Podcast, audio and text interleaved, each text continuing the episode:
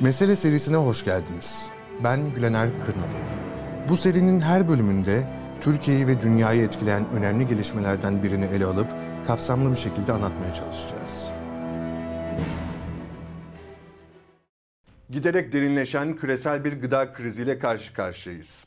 Gıda ürünlerinin fiyatları durmaksızın artıyor.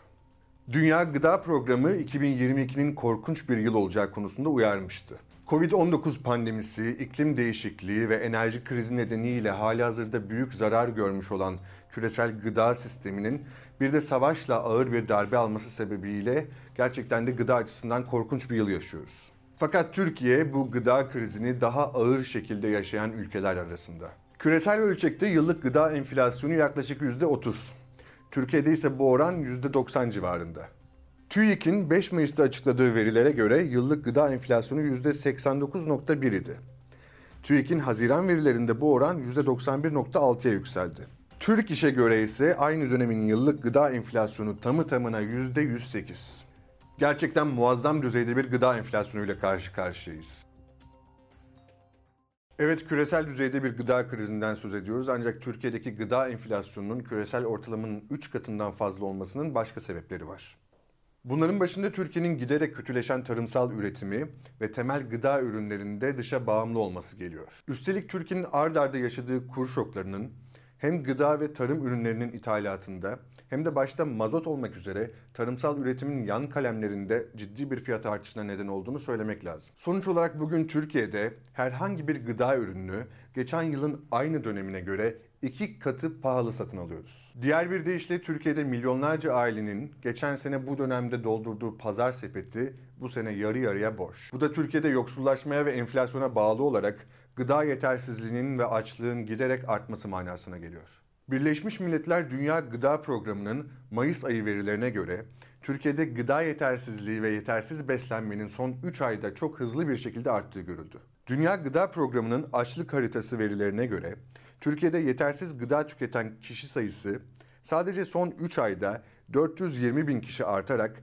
14.8 milyon kişiye ulaştı. Yani Türkiye nüfusunun yaklaşık %18'i yeterli beslenemiyor. Yine aynı çalışmaya göre Türkiye'de 5 yaş altı çocukların %1.7'si ağır beslenme eksikliğiyle karşı karşıya. Kronik beslenme yetersizliği yaşayan 5 yaş altı çocukların oranı ise %6. Türkiye'de yetersiz gıda tüketiminin en yüksek olduğu şehir ise Şırnak.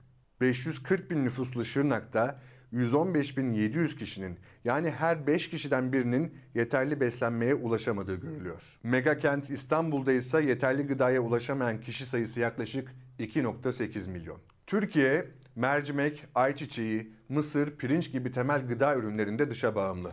Tahıldaki ithalat bağımlılığı oranı %39 seviyesinde. Dahası gübre sektörü de ham madde bakımından önemli oranda dışa bağımlı. Bu nedenle gübre fiyatlarındaki artışın Türkiye'deki üretimi de düşürmesi bekleniyor.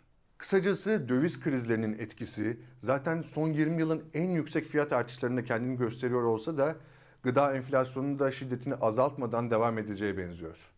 Örneğin en temel gıda ürünlerinden buğday ununu ele alalım. Rusya-Ukrayna savaşının buğday fiyatlarına etkisi malum.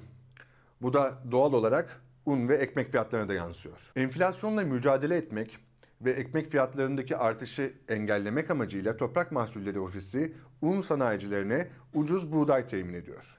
Toprak Mahsulleri Ofisi'nin yaptığı bu regülasyon 31 Mayıs'ta sona erecekti. Uluslararası Un Sanayicileri ve Hububatçılar Birliği'nin hesaplamalarına göre regülasyonun sona erdirilmesi halinde 260 lira olan un çuvalı fiyatı 31 Mayıs'tan sonra %53'lük bir fiyat artışı ile 400 lira olacak ve bu sebeple ekmek fiyatı da 5 lirayı aşacaktı.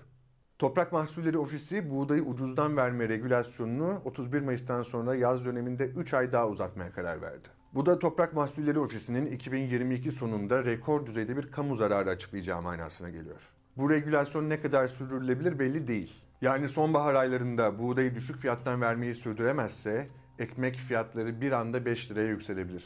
Bu da ne yazık ki Türkiye'de yeterli gıdaya ulaşamayan insan sayısının çok daha kritik bir seviyeye ulaşması tehlikesini beraberinde getiriyor. Bazı temel ürünlerdeki küresel fiyat artışları doğrudan sofraya yansıyor ve yansımaya da devam edecek. Ve acil müdahalede bulunulmazsa pandemi döneminde derinleşen eşitsizlikler daha da derinleşecek. Sonuç olarak Türkiye'nin pandemiye ve savaşa makroekonomik anlamda oldukça kırılgan şartlarda yakalanmış olması, giderek artan enflasyon ve gelir eşitsizliği, özellikle toplumun düşük gelirli kesimlerini daha da yoksullaştırmaya ve hatta açlıkla karşı karşıya bırakmaya devam edeceğe benziyor.